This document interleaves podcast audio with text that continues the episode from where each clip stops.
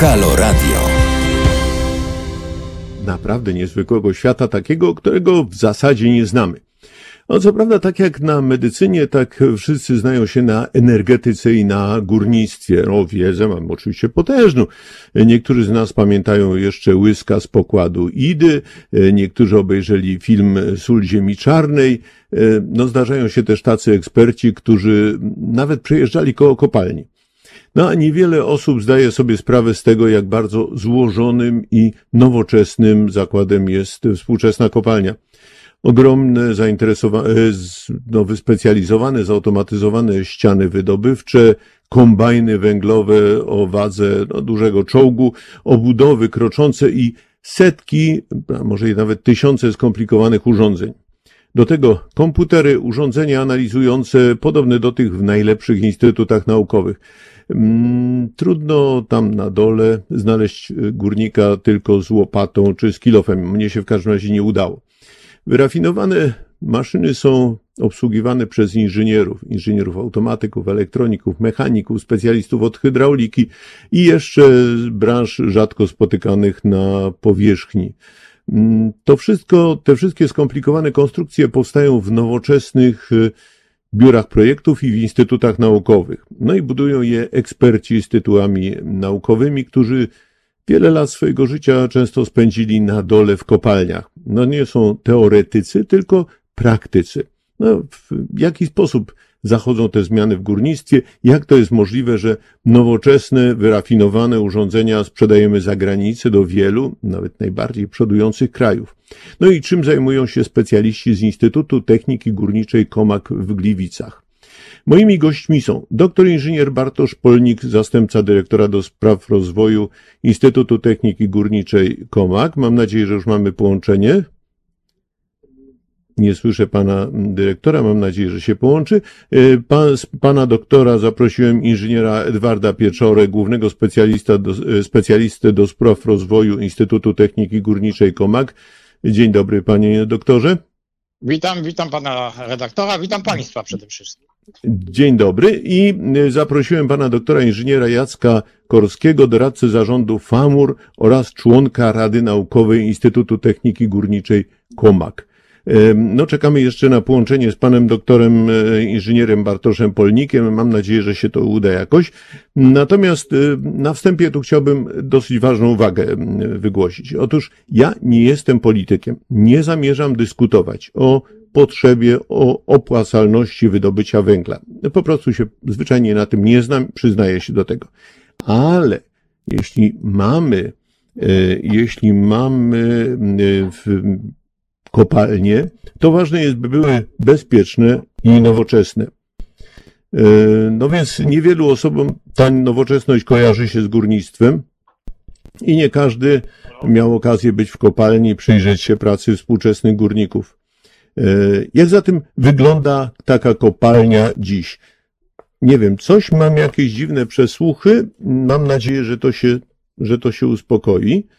Y, coś się dziwnego dzieje, no ale mam, może, może będzie dobrze. Mam jakoś bardzo dużo różnych głosów. Aha, ktoś, ktoś rozmawia. No to może któryś z panów zechce powiedzieć, jak wygląda taka kopalnia dziś. Pan, y, pan doktor inżynier Korski y, właściwie spędził chyba prawie całe życie swoje w kopalni. To jak wygląda taka kopalnia? Proszę Państwa, e, dzień dobry przede wszystkim. Dzień dobry.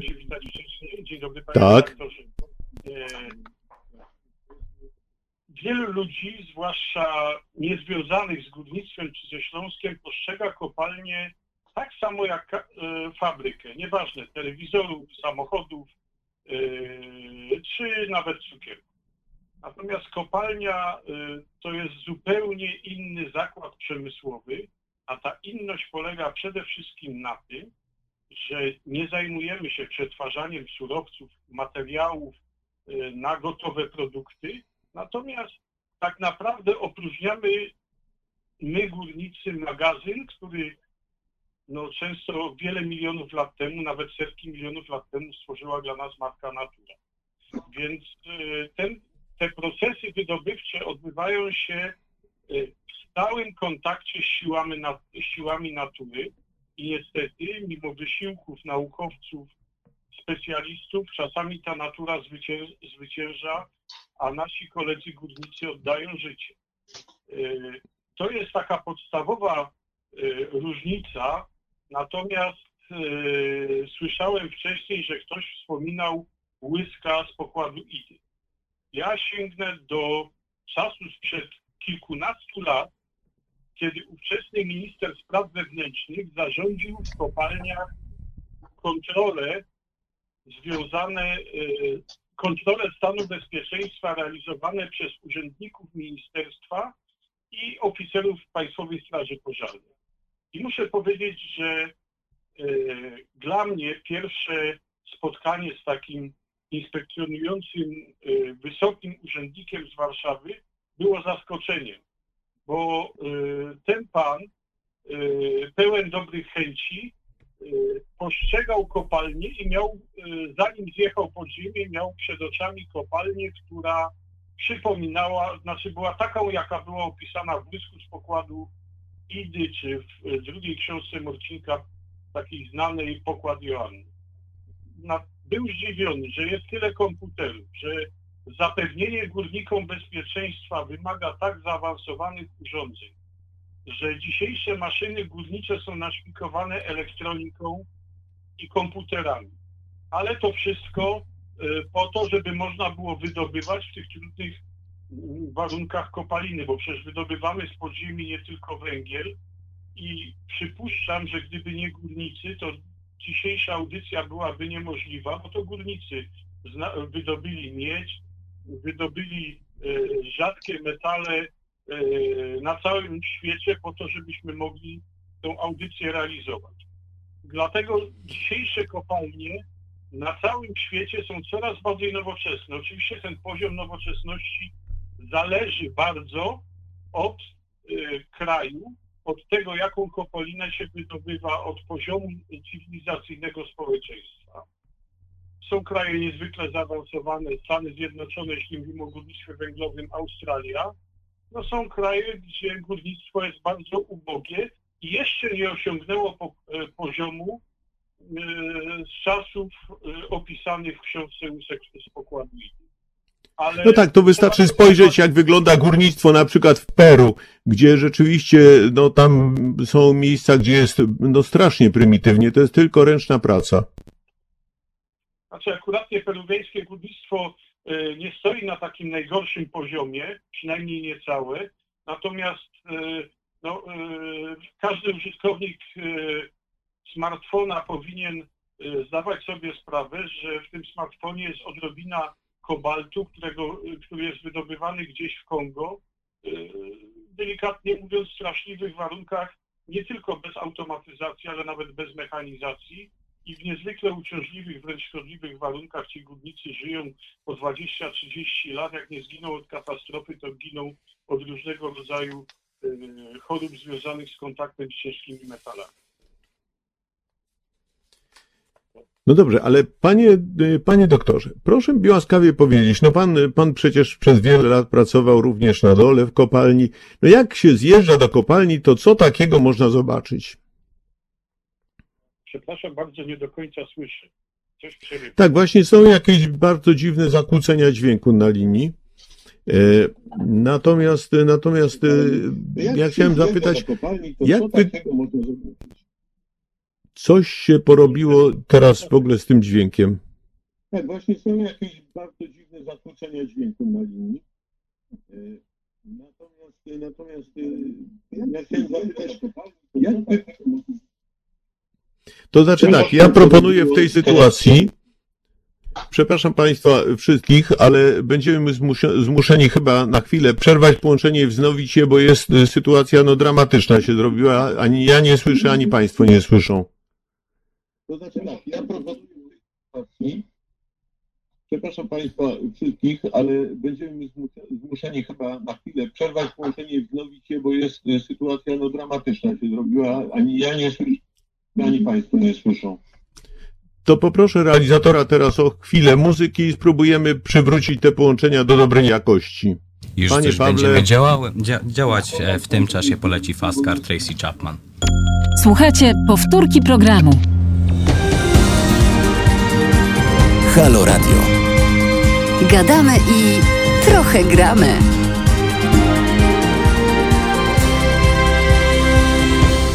Ponownie przed mikrofonem Wiktor Niedzicki. No mam nadzieję, że tym razem już udało się pokonać wszelkie trudności. Nie obiecywałem Państwu, że wejdziemy do niezwykłego świata, ale nie wiedziałem, że będzie dotyczył łączności. W tym czasie już odezwali się nasi słuchacze. I y, pan Andrzej pisze, niedaleko mnie produkują maszyny górnicze na eksport. Wyglądają, znaczy te maszyny, jak grube, ruchome blachy na siłownikach do podtrzymywania stropów w wydrężonych korytarzach pod ziemią. No i ktoś tutaj dopisuje, no obudowy muszą wytrzymać nacisk górotworu, ogromny. Mam nadzieję, że tutaj nasz realizator pokaże nam za chwileczkę właśnie pracę i projektowanie i te, te właśnie obudowy. E, Za chwilę to będzie widać. To w takim razie może, może poproszę pana doktora inżyniera Edwarda Pieczorę. E, Panie doktorze, pamiętam jak kilkanaście lat temu rozmawialiśmy o tych obudowach, e, które muszą wytrzymać nacisk sześć, każda, każda, 600 samochodów osobowych, czyli około tysiąca ton. Coś zupełnie nieprawdopodobnego. No, pracując w kopalniach, witam Państwa jeszcze raz, pracując w kopalniach e, musimy Jeszcze górnikom zapewnić bezpieczeństwo. E, e, musimy zaingerować, tak jak powiedział Pan na wstępie, Pan doktor Jacek Korski, e, w matkę naturę. Musimy tam wydrążyć e, wyrobiska korytarzowe, te podparte zazwyczaj tak zwanymi łukami EUP, no i w wyrobiskach ścianowych, czyli tam, gdzie e, eksploatujemy węgiel, stosujemy zmechanizowane ścianowe obudowy, tak zwane kroczące, jak pan redaktor zauważył, czy samokroczące, po to, żeby no, niejednokrotnie nawet i te tysiąc samochodów, na przykład tysiąc Mercedesów, e, górnikowi nie spadło na głowę. Myślę tu o takich kopalniach jak Bogdanka, gdzie wydobycie prowadzi się na głębokości tysiąca metrów. E, powiem mm, tak, że e, w Instytucie Techniki Górniczej Komak, a bardziej należałoby powiedzieć w Komagu, bo nazwa się e, w czasie 70 lat funkcjonowania naszego, naszej jednostki e, zmieniała, e, stworzyliśmy polską szkołę obudów zmechanizowanych. Praktycznie tu powstały pierwsze takie zalążki obudów, te, czy sekcje obudów, te były cały czas rozwijane, doskonalone. Skonstruowaliśmy w Komagu i posiadamy wręcz unikalne na skalę światową stanowiska do badania tych obudów. Unikalne, bo nawet Amerykanie przysyłali obudowy do nas do badań. I po to właśnie, żeby górnikom zabezpieczyć to bezpieczeństwo. Muszę z satysfakcją powiedzieć, że na przestrzeni No mam lat- nadzieję, że właśnie, że realizator pokaże to, ale panie, panie doktorze, przepraszam, ale ja muszę, muszę troszeczkę tutaj panu przerwać, ponieważ no nie każdy wie, co to jest ta obudowa. To może ja, to, mo- No to teraz tak jak tutaj- o tak jak tutaj pan Andrzej- natomiast ta, ta, tak jak tutaj pan Andrzej e, Tak. zauważył, ten e, słuchacz naszego radia, e, no jest to konstrukcja tak, pospawanych grubych blach, wsparta tak potocznie mówiąc siłownikiem no, o niebagatelnej średnicy 200, a nawet i więcej milimetrów, tak zwanym stojakiem, a na jedną taką sekcję z reguły przypadają dwa takie stojaki lub cztery, wtedy jest obudowa czterostojakowa. No po to właśnie, żeby zabezpieczyć e, górników e, przed e, po pierwsze opada skał, a dwa no, tym ciśnieniem górotworu, które w tych warunkach górniczych ma miejsce, bo tak to fachowo się nazywa. Muszę Jeżeli e, mogę włączyć się do rozmowy, to chciałbym powiedzieć dla trochę starszych słuchaczy, że dzisiejsze obudowy zmechanizowane, mówię Jacek Korski, e, przypominają szczęki, które e, kiedyś były przedmiotem wolnego czy, czy e, marzeniem niejednego człowieka, szczęki, z których sprzedawało się różne towary, tylko że wtedy szczęki trzymały jakieś tam słupki metalowe, a te szczęki pod ziemią trzymają potężne siłowniki, cylindry hydrauliczne o średnicach czasami prawie sięgających pół metra. To tylko tak Dokładnie tak. W tej chwili wi- nasi słuchacze, przepraszam, w tej chwili nasi słuchacze widzą filmik, który nagrałem w kopalni Ziemowit i zaraz będzie widać taką obudowę właśnie. E, Ma, o, właśnie się porusza w tej chwili, cofa się e, ten siłownik. E, Za chwilę będzie widać, jak otwiera się jedna z tych, nazwijmy to blach, jak podtrzymuje to wszystko. Widać, jak się poruszają te, te, te siłowniki również na, na no, podłożu, na spongu, E, czyli, e, czyli to wszystko Państwo mogą obserwować, co Pan mówi. Panie doktorze, prosimy dalej. Yy, No, widzą Państwo to, ja niestety nie, ze względów technicznych. Natomiast muszę powiedzieć tak, że myśmy w Komagu na przestrzeni tych lat utworzyli praktycznie polską szkołę konstruowania obudów i z satysfakcją muszę powiedzieć, że mimo, że nasze górnictwo kupiło maszyny z importu, to według mojej wiedzy, a pracuję już w górnictwie 40 lat, y, samodzielnie do wyrobiska ścianowego nie zakupiono nigdy na przestrzeni tych lat a, żadnego kompletu obudowy zmechanizowanej z importu, także tutaj można powiedzieć, że też na rynku jesteśmy no, w pewnym sensie liderami i w tej chwili Pamur, y, duża konsorcjum fabryk, y, praktycznie największe górnicze w Polsce, sprzedaje również te, y, czy oferuje i sprzedaje e, sekcję obudowy zmechanizowanej e, na eksport. E, Natomiast Ale ja pamiętam, że na przykład Glinik kiedyś sprzedawał do Kanady. Zabezpieczamy całkowicie potrzeby krajowego górnictwa w tym zakresie.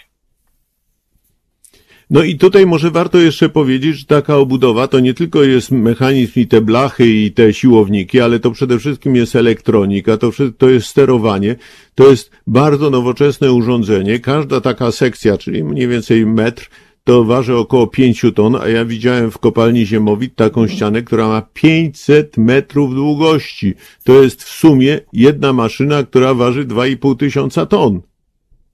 No, zdarzają się teraz i bo to warunki górnicze, yy, warunki górnicze geologiczne wymuszają obudowę o masach nawet rzędu powiedzmy 20 ton.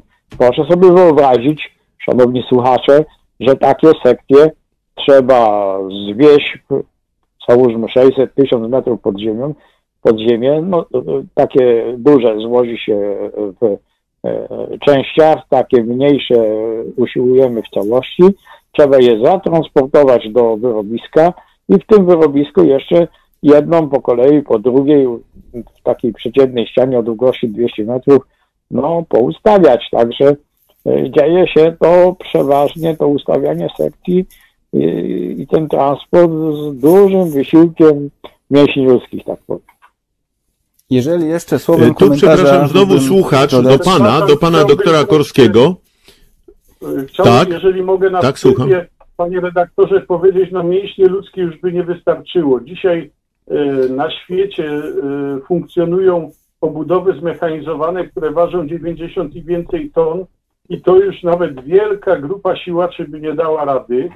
E, Tu pomaga technika, pomagają różne inne urządzenia, co nie zmienia faktu, że obudowa zmechanizowana czy szerzej, bo pan redaktor powiedział 2,5 tysiąca ton, to wtedy już mówimy o całej ścianie, w której jest nie tylko obudowa. No o całej ścianie, ja myślałem o całej ścianie, tak, tak, tak. e, przenośnik zgrzebłowy, jest kombajn, o którym e, pan powiedział, że no, to jest masa e, dobrego czołgu, no bo taka jest, taka jest prawda. Te maszyny naprawdę malutkie nie są. E, Przepraszam za ten wtręt, panie redaktorze, ale no, trzeba było uzupełnić.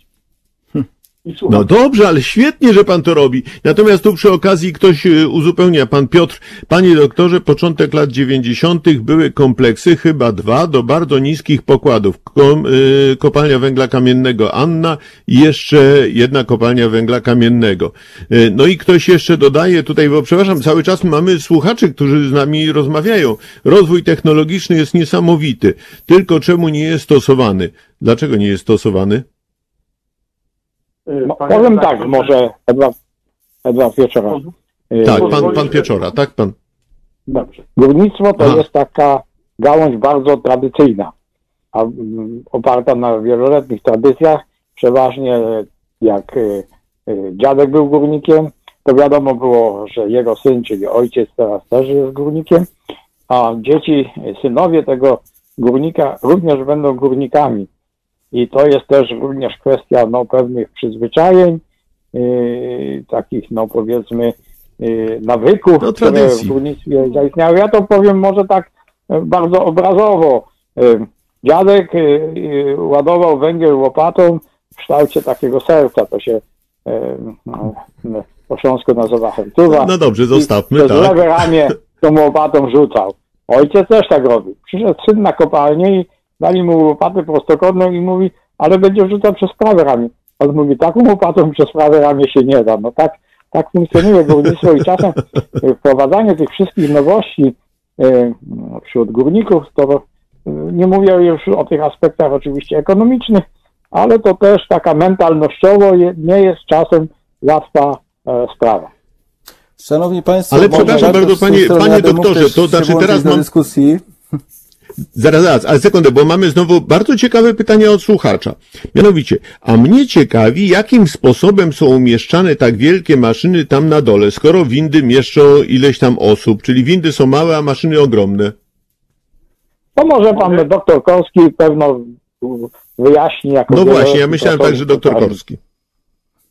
E, Proszę Państwa, e, czasem jest to duży problem dostarczyć e, tak duże urządzenia na miejsce. Czasami e, są one celowo konstruowane tak, żeby można je było dostarczyć w częściach, bo w całości się nie da.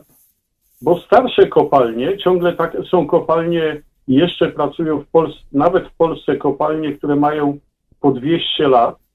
E, Szyby zostały zbudowane ostatnie sto parędziesiąt lat temu, czasem kilkadziesiąt, i one nie są przystosowane do transportu. Nie było przecież kiedyś obudów zmechanizowanych. Yy, No więc trzeba je demontować i transportować w częściach, co jest operacją yy, no cośkolwiek pracochłonną i, i trudną. Natomiast najnowsze kopalnie konstruuje się już pod to wyposażenie, które dzisiaj jest dostępne, yy, jak to się ładnie mówi, na rynku.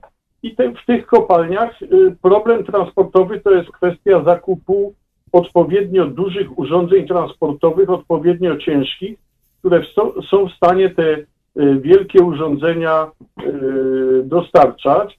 Y, Polskie górnictwo jest tutaj troszkę, że tak powiem, opóźnione właśnie ze względu na te konsekwencje, na kons, w konsekwencji tego, że, nasze, że nie ma nowych kopalń. Ja nie mówię nowoczesnych, nie ma nowoczesnych, ale nie ma nowych kopalń, które z założenia projektowano właśnie pod zastosowanie takich e, dużych, ciężkich, e, ale też trudnych w transporcie urządzeń. Wiele się w tym zakresie w Polsce zmieniło, co nie zmienia faktu, że cały czas jest to problem. Stosuje się na Ale przykład... przepraszam za bardzo, panie doktorze. Tak. Tak? Panie doktorze, bo tutaj znowu ktoś uzupełnia, że no przecież istnieją takie, ja sam widziałem na przykład w Bielczowicach odpowiednie kolejki, które wożą te bardzo ciężkie elementy, że są takie kolejki podwieszane, które wożą te elementy, więc to, to nie tak, że to y, ludzie ciągną albo, albo noszą, tylko to wszystko też mechanicznie dojeżdża tam do tego miejsca, gdzie musi być zmontowane.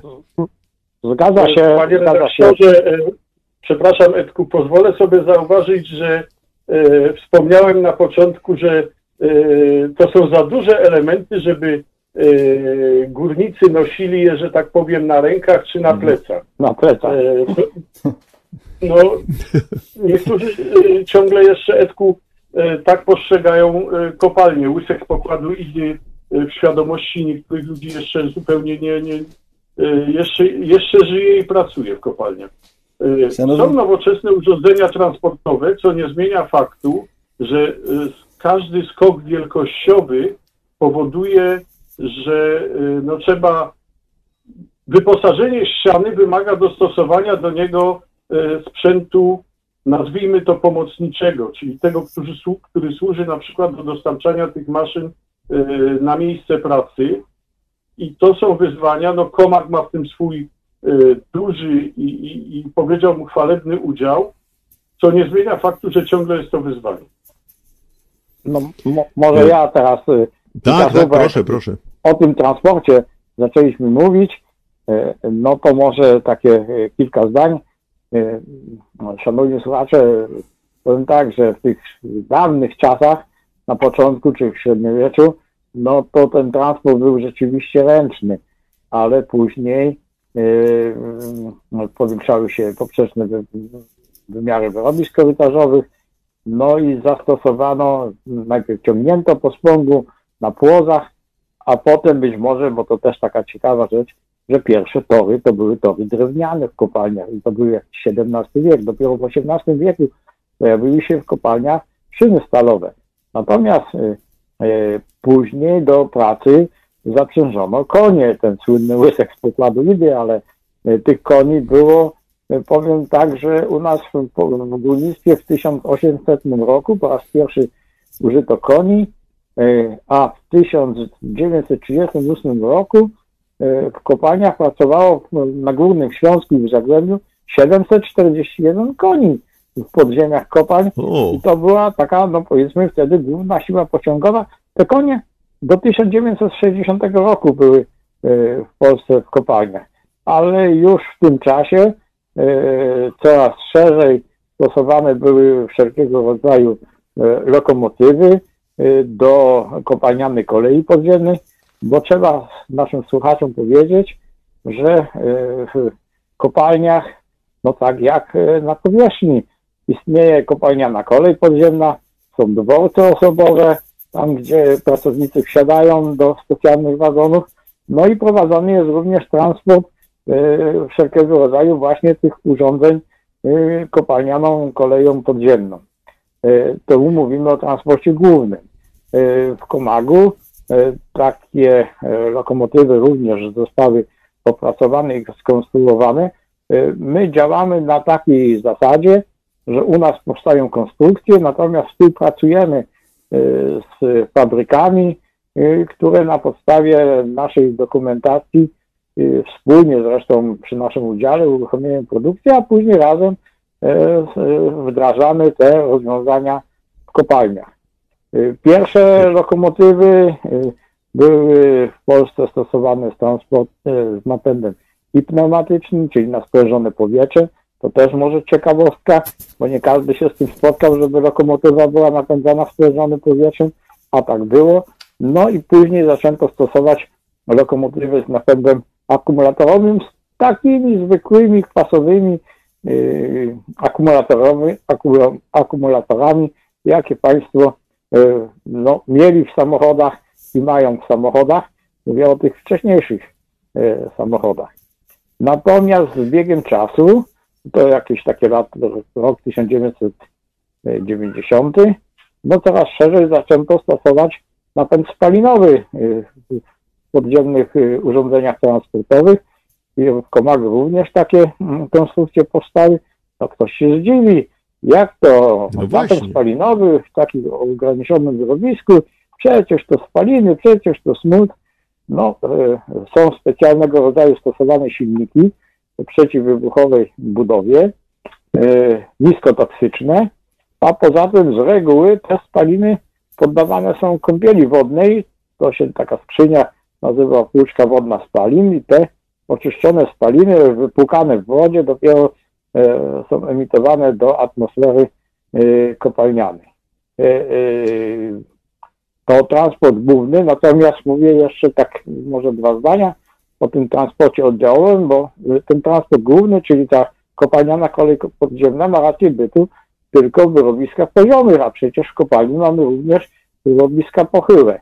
No i, i tam stosowane są wszelkiego rodzaju kolejki podwieszone, i tu też taka ciekawostka, że mm, transport po spągu, no to już sięga czasów średniowiecznych i od tego czasu ten transport jest znany. Natomiast e, wyobraźcie sobie, szanowni słuchacze, że e, transport podwieszony to jest no, bardzo taka, bym powiedział, E, stosunkowo do transportu do kopalnianej kolei podziemnej e, nowa sprawa, bo dopiero praktycznie w okresie e, międzywojennym, a w zasadzie nawet można powiedzieć powojennym, e, no, e, zaczęto stosować e, kolejki podwieszone.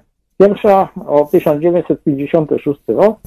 E, Co zrobiono? Normalną szynę kolejową podwieszono pod stopem i w ten sposób e, no, usiłowano czy transportowano właśnie ładunki. Teraz stosuje się specjalne profile, oczywiście dwutorowe i takich podwieszonych kolejek najpierw z napędem linowym, a teraz bardzo popularne w Polsce e, kolejki podwieszone z napędem stalinowym są stosowane. I te wszystkie urządzenia są po to, żeby górnikom e, pomóc po pierwsze e, dojechać na miejsce pracy, bo trzeba powiedzieć, że nasze wyrobiska coraz bardziej są odległe od szybów, No a chodzi o to, żeby górnik w stosunkowo szybkim czasie i niezmęczony znalazł się tam w tym przodku czy ścianowym, czy chodnikowym, gdzie ma pracować. No i żeby przetransportować te wszystkie e, urządzenia, których masy się coraz bardziej zwiększają. No ale po to konstruujemy te urządzenia w formie urządzeń modułowych, żeby je można było łatwo podzielić na moduły, te moduły łatwo przetransportować do miejsca docelowego, mówię łatwo, w miarę łatwo e, przetransportować do miejsca docelowego, no i w miejscu docelowym no, poskładać e, czy to te sekcje obudowy zmechanizowanej, czy kombajn ścianowy, czy, czy inne urządzenia. Tak się to e, w tej chwili jest realizowane. No, e, Panie doktorze, ale przepraszam, że ja teraz przerwę, ponieważ już mamy tutaj słuchacze po prostu zarzucają nas różnymi pytaniami i bardzo dobrze. E, Natomiast ja mam dwie uwagi. Po pierwsze wspomniał Pan o tym transporcie ludzi, czyli górników tam na dole.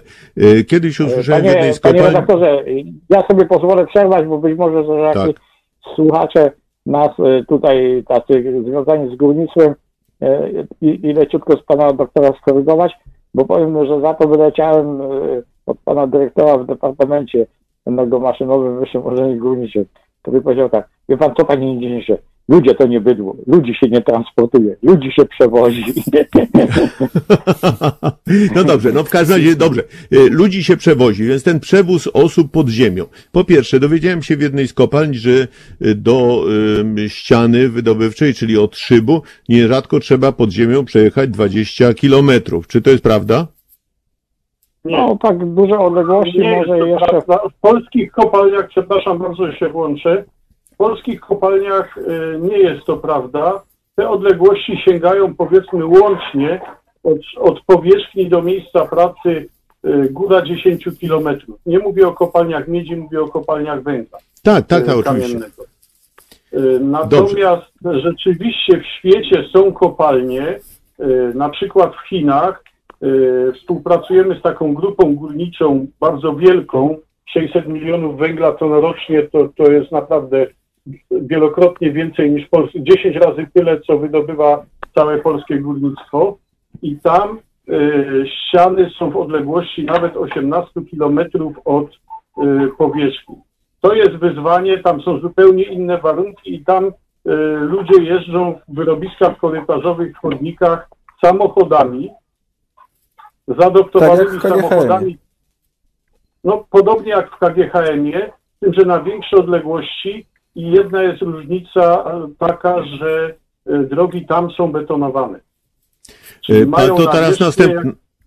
Tak? Panie doktorze, ale teraz następne pytanie, bo to bardzo ciekawe są te pytania naszych słuchaczy. Jak porozumiewają się górnicy w hałasie, zanieczyszczeniu pyłem i głębokości? Czy wdrożono jakiś nowy system komunikacji? No, żeby oni nie musieli krzyczeć chyba. Panie Widzę, że redaktorze, wszyscy się Krzyczą, roześmiali. nadal krzyczą. Wie pan, y, w niewielkiej odległości od siebie ludzie bardzo często porozumie, porozumiewają się po prostu na mi. Są gesty, znaki. Załogi górnicze są zna, e, znają się, wykonują tą pracę. Są e, prace na przykład tak jak kombajniści, czy szerzej brygada ścianowa w kopalni węgla oczywiście. E, Ci ludzie się doskonale rozumieją i wystarczy jeden gest, wyżej, niżej, można wskazać palcem, doskonale znają to nurkowie i to wystarcza. Podniesiona ręka do góry, stop, tradycyjne sygnały lampą górniczą. Yy, Sygnały przerywane, ruchy tą lampą, yy, większość górników doskonale to zna. Natomiast na większe odległości już nie da się stosować gestu czy nawet y, krzyku. Y, stosuje się w podziemiach kopalń, wprowadza się y, od wielu lat różne systemy łączności. Y, Pierwsze, jak już mówimy o transporcie pracowników, jak się pojawiły y, lokomotywy trakcyjne, czyli pociągi, no mówiąc krótko, elektryczne, to pojawiła się tak zwana łączność trolifonowa, czyli łączność wykorzystująca fakt, i to było kilkadziesiąt lat temu, do dzisiaj takie systemy łączności, tam gdzie jest trakcja elektryczna, są stosowane. Natomiast y, dużo bardziej zaawansowanym systemem i też już w górnictwie stosowanym są, y, jest wykorzystanie tak zwanych anten cieknących, które pozwalają w niektórych warunkach na zastosowanie, no powiedzmy, telefonów komór- komórkowych. Są miejsca i są kopalnie na świecie, ale też i w Polsce coraz częściej to y, ma miejsce, że wykorzystuje się no coś w rodzaju telefonów komórkowych, oczywiście dostosowanych do, do pracy y, w kopalniach podziemnych właśnie do y, łączności.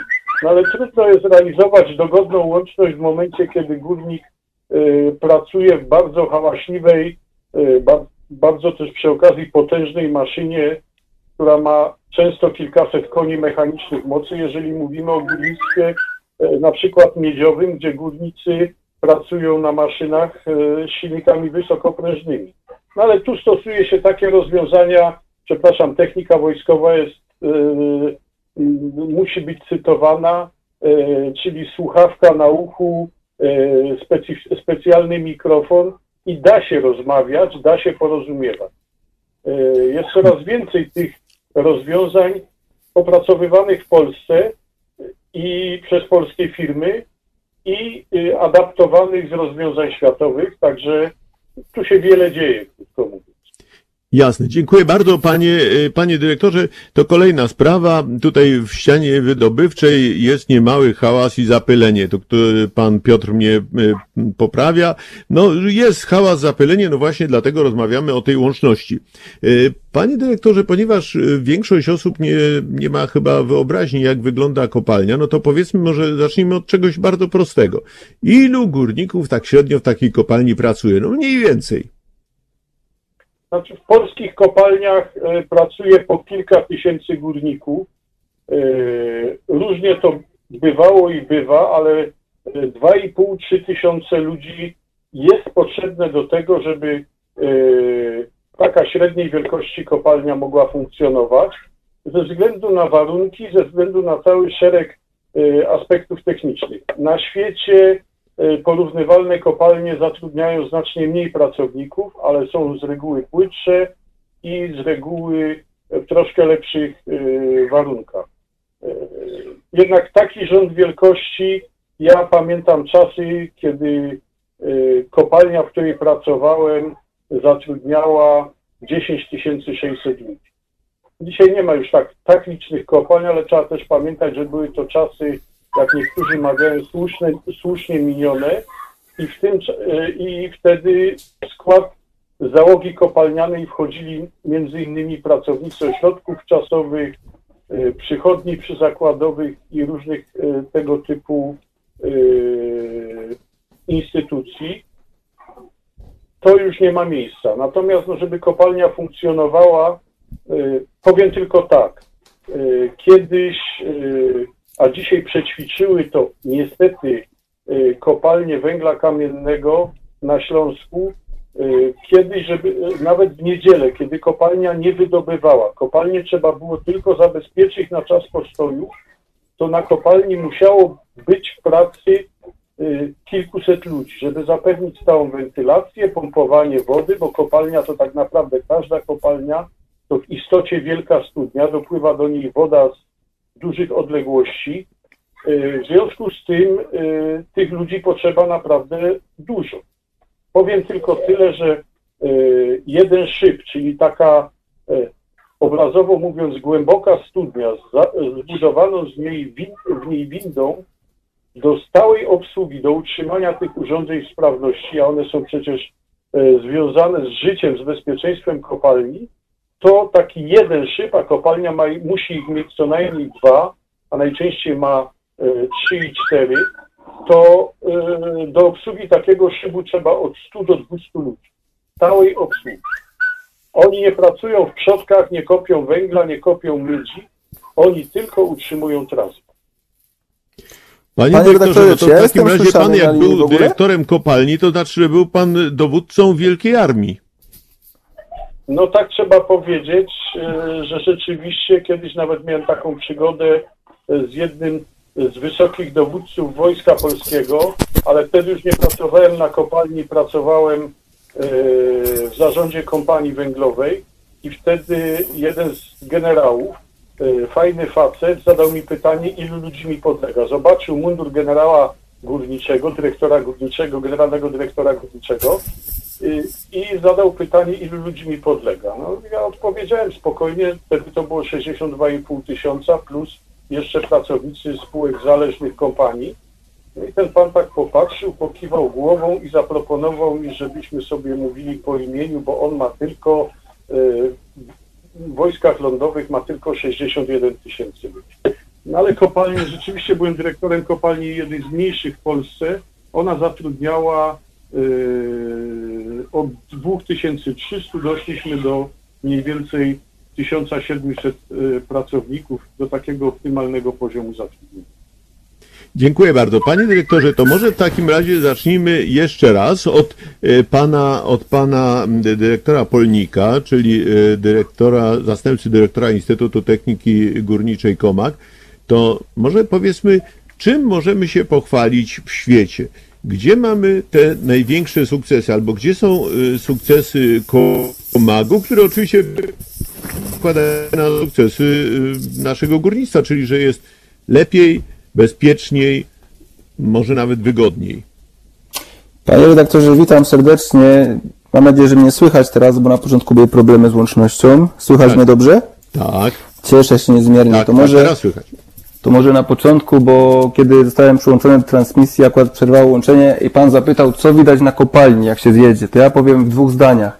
No W momencie, kiedy ja pierwszy raz w życiu zjechałem na kopalnię, a mówię, że ja nie pochodzę z rodziny górniczej i nigdy wcześniej nie miałem takiej możliwości, aby zobaczyć kopalnię od, od tego, od tej strony roboczej od dołu, to gdy zatrudniłem się w Instytucie Technicznej Komak, to przy pierwszym zjaździe na dół byłem bardzo zszokowany, bo zjeżdżając na dół w podziemia kopalń, poczułem się po pierwsze cisza, spokój, życzliwi górnicy i przede wszystkim miasto. Generalnie kopalnia na dole wygląda jak takie miasto, tylko bez dostępu do słońca.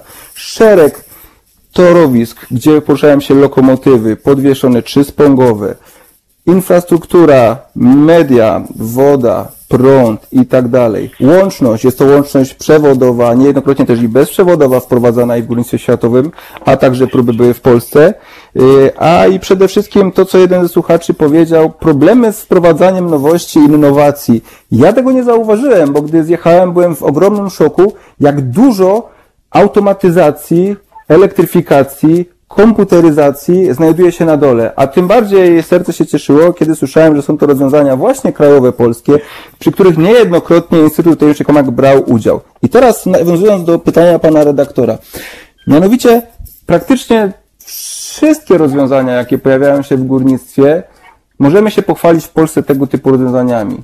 I choćby, jak wspominał pan e, doktor Pieczora o tych maszynach transportowych, to miło mi poinformować, że Komak, jako Instytut Naukowy, jest generalnie liderem w skali światowej, jeżeli chodzi o projektowanie maszyn transportowych podwieszonych, e, zasilanych z własnego źródła, z własnej baterii. Jak wspominał pan doktor Korski, e, każdy z użytkowników, słuchaczy posiada smartfona, tak? I mamy tam kobalt, ale mamy tam także źródło zasilania w postaci baterii litowej. No i właśnie Komak jako pierwszy w skali świata opracował rozwiązania maszyn transportowych, które były zasilane ogniwami litowymi. To były rozwiązania ciągników o dużej mocy, ciągnik GAD-1 wspólnie z partnerami, z firmą NAFRA oraz Instytutem Naukowym KOMEL, Ośrodkowym Ba- Badawczo-Rozwojowym, jak i później mniejszy ciągnik PCA-1 razem z firmą Hellfire oraz z firmą Gabrypol. Wie pan, panie redaktorze i drodzy słuchacze, wtedy, to był rok 2011-2012, y, jak wszystkim wiadomo, bezpieczeństwo jest podstawą w kopalni, a wprowadzenie w podziemia kopalń ogniw litowych to było tak karkołomne wyzwanie, któremu sprostaliśmy.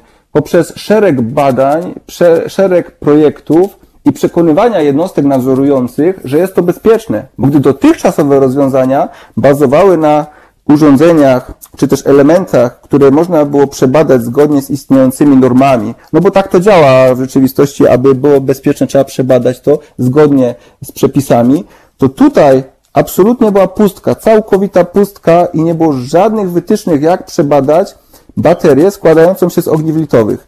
I tutaj ciekawość, ciekawostka. Yy, Myśmy w Instytucie Technicznym Komak przebadali kilka rodzajów ogniw litowych w różnych technologiach i prowadzone są to badania niejednokrotnie niszczące, niejednokrotnie niebezpiecznie. Dla przykładu mogę słuchaczom opowiedzieć historię taką, że yy, badając jedno z takich ogniw, a tak dla wyobraźni, pojedyncze ogniwo litowe, które stosujemy w górnictwie jest mniej więcej dwudziestokrotnie, czasami nawet stukrotnie większe od tego ogniwa, jakie mamy w telefonach komórkowych. A takich ogniw w takiej maszynie może być nawet i w okolicach 500 do 1000 w zależności od maszyny. Badając To pojedyncze jakaś ogniwo, ogromna skrzynia. tak, no to jest skrzynia rzędu gdzieś tak trzeba liczyć 2 metry na metr na metr, kubatury, tego typu skrzynie. To są A, osłony to przeciwwybuchowe. I to jest bateria cała, bo pojedyncze ogniwo to tak jak powiedziałem. I takie ogniwo trzeba było przebadać. I myśmy starając się udowodnić y, jednostce notyfikowanej Wyższemu Urzędu Górniczemu oraz użytkownikom przede wszystkim, że jest to bezpieczne, przeprowadziliśmy szereg takich testów. Jednym z nich, który jest w mojej ocenie, jako już w tej chwili specjalisty do spraw akumulatorowych źródeł prądu, jest test przeładowania. I dlaczego o nim wspominam? Bo brałem udział osobiście w takim teście jako młody wtedy naukowiec w instytucie. No i wie pan, młody naukowiec ciekawy tego wszystkiego chce podejść jak najbliżej. Byłem bardzo blisko tego ogniwa, które było zanurzone w takiej kadzi zalanej olejem i następowało przeładowanie tego ogniwa aż do jego fizycznego zniszczenia. Wskutek tego zniszczenia to ogniwo eksplodowało, wybuchło, a opary chemia, która w nim była zgromadzona, się zapaliła. To stało się przede mną ściana, proszę sobie wyobrazić, 3-metrowa ognia. Ja w pomieszczeniu, gdzie dookoła okna zakratowane, wyjście odetchnięte 3-metrową ścianą ognia, no to jako młody człowiek bez dłuższego myślenia, widząc jak to się wszystko pali, chwyciłem, osłoniłem twarz i przeskoczyłem przez ścianę ognia. I wskutek tego zostałem poparzony. Po dłoni, po plecach. I pomimo tego zdarzenia, które skierowało mnie praktycznie na miesiąc, czy nawet dwa miesiące L4, y, dalej kontynuowałem te badania i poprzez kolejne doświadczenia, poprzez opracowanie nowych rozwiązań, systemów zabezpieczeń, udało się, i to mówię z wielką satysfakcją, wprowadzić pierwszą maszynę zasilaną ogniwami litowymi do górnictwa węgla kamiennego. Pierwsza w świecie to była i to był rok 2014 i to była kopalnia Sobieski, miała na testach ciągnik GAD-1. I to jest duży ciągnik, o którym już wcześniej o tak dużych wspominał pan doktor Korski. Ciągnik, który transportował właśnie sekcję obudowy zmechanizowanej do zazbrajania ścian i po likwidacji ścian. W kolejnym kroku powstał mniejszy manewrowy ciągnik, taki do prac pomocniczych, gdzie poza ogniwami litowymi poszliśmy jeszcze krok dalej i również na skalę światową w naszym instytucie opracowane zostały dwa systemy nadzoru. System nadzoru baterii, który jest systemem wyposażonym w aktywne wyrównywanie pojemności, bo nie każdy ze słuchaczy zdaje sobie sprawę, że bateria ogniw litowych, ona wymaga nadzoru. W komórkach tego nadzoru nie mamy, bo mamy pojedyncze ogniwo. I generalnie większość komórek nie posiada żadnego nadzoru, te nowsze aplikacje już tak, bo ogniwa litowe powinny mieć takie zabezpieczenie. Y, Natomiast już w przypadku górnictwa to bezwzględnie i w przypadku automotywu takie zabezpieczenia są. A żeby poprawnie i długo żyła taka bateria, trzeba to baterię wyrównywać pojemności w niej. I taki system aktywnego wyrównywania pojemności na skalę świata, bo wcześniej nie było, został opracowany przez polskich naukowców pracujących w Polskim Instytucie Technicznym COMAC. I tym się, tu się bardzo cieszę, że mamy swoją ogromną rolę y, w tym y, układzie maszyn transportowych i do dnia dzisiejszego jesteśmy oceniani czy postrzegani jako ci liderzy tej elektromobilności przemysłowej, bo poza maszynami transportowymi również inne dziedziny, dziedziny czy też inne maszyny pracujące w górnictwie w zasadzie urwaliśmy je ze smyczy, bo pracowały na kablu, na przewodzie, czy też y, zasilane silnikiem spalinowym. I poza maszynami typu GAD1, typu ciągnik PCA1, o których wspominałem, które tak dla zobrazowania wyglądają jak taki roller coaster w parku rozrywki. Jest taka szyna, jest taki ciągnik, który jeździ. Oczywiście on jeździ z dużo mniejszą prędkością, bo dopuszczalne prędkości są do przejazdu ludzi 2 metry na sekundę. Yy, Natomiast poza transportem prowadziliśmy dzięki yy, projektom, które możemy realizować w Instytucie Naukowym razem z naszymi partnerami przemysłowymi, poszukując, bo generalnie, aby tworzyć innowacje, potrzebne jest nakłady finansowe, nakłady środków. Firmy górnicze nie zawsze są gotowe zaryzykować duże nakłady środków, aby taką innowację stworzyć. Na szczęście naprzeciw wychodzą tutaj fundusze, fundusze centralne, przykładowo Narodowe Centrum Badań i Rozwoju, czy też projekty europejskie, z których często korzystamy razem z naszymi partnerami i złożyliśmy projekt na maszynę pomocniczą, jaką jest spągoładowarka. Jest to maszyna na podłożu gąsienicowym na podwoziu, która służy do utrzymywania generalnie spągu w właściwej kondycji technicznej, czyli tej podłogi, aby ona była równa, aby można było po niej przemieszczać e, różne elementy, a można się było samemu przemieszczać jako górnika, górnika, aby górnicy mogli się przemieszczać. E, I przyszła do nas firma Hydrotech z zapytaniem, czy tą maszynę możemy zelektryfikować, żeby ona była urwana z kabla, żeby była w pełni mobilna. I taki projekt o akronie Hydcon był realizowany w konsorcjum Comac oraz Hydrotech. I ten projekt zakończył się w grudniu ubiegłego roku. Ogromnym sukcesem, nagrodzonym zarówno na targach krajowych w zeszłym roku, jak i na targach międzynarodowych, bo powstała maszyna samobieżna, napędzana ogniwami litowymi, która bez kabla bezpiecznie pracuje, a co więcej, została zbudowana w taki sposób, aby mogła pracować praktycznie 24 godziny na dobę, a mianowicie y, dzięki temu, że jest integrowany układ ładowania oraz baterii w tej maszynie, to po wyczerpaniu się baterii użytkownik może doładować ją z dowolnego wyłącznika kopalnianego, który dysponuje napięciem 500 V i w tym samym czasie może dalej prowadzić pracę. Czyli generalnie, jeżeli ktoś jest, y, naprawdę ma dużo pracy, jest zapalony do tej pracy, a górnicy są ludźmi pracy, to 24 godziny na dobę taka maszyna może pracować. Także tutaj to jest kolejny sukces, który, który był wprowadzony przez, przez nasz instytut przy współpracy z przemysłem górniczym, z firmami górniczymi, bo nie oszukujmy się, my naukowcy pracujemy nad innowacjami, nad nowościami, nad technologiami, technikami, tak, aby ludziom pracowało się lżej, ale to, co już było raz powiedziane, to nie jest do końca tak, że, że ludzie są niechętni do tych nowości. Czasami z tymi nowościami, z tymi maszynami jest tak jak z szefem w każdej jednej firmie. Dobry szef, pracownik powie, to jest taki, który nie przeszkadza.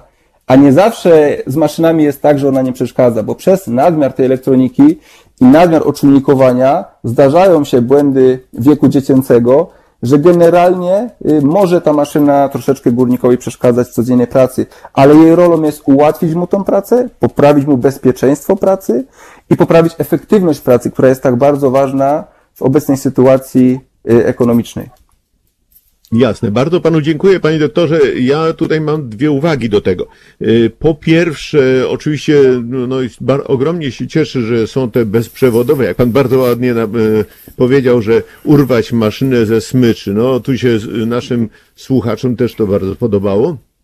Natomiast zwracam uwagę na jedną rzecz, y, że wszystkie te bezprzewodowe mm, maszyny, narzędzia, takie jak wiertarki, no takie rzeczy, które teraz kupujemy normalnie w sklepie, to zawdzięczamy temu, że kiedyś ktoś zainwestował miliardy dolarów w, taką, y, w taki projekt Apollo y, dla tych lunonautów, którzy mieli pobrać próbki na przykład gruntu księżycowego, no a dziś kupujemy takie coś w sklepie, czyli coś, co państwo stosu, stosują w kopalniach, to porównywalne też tak jak wyprawa na, na inną planetę y, i też potem y, możemy, będziemy mogli, mam nadzieję, korzystać. Może z tego powstaną rzeczywiście samochody elektryczne, o czym zresztą nasi słuchacze tutaj piszą, wspominają, dyskutują.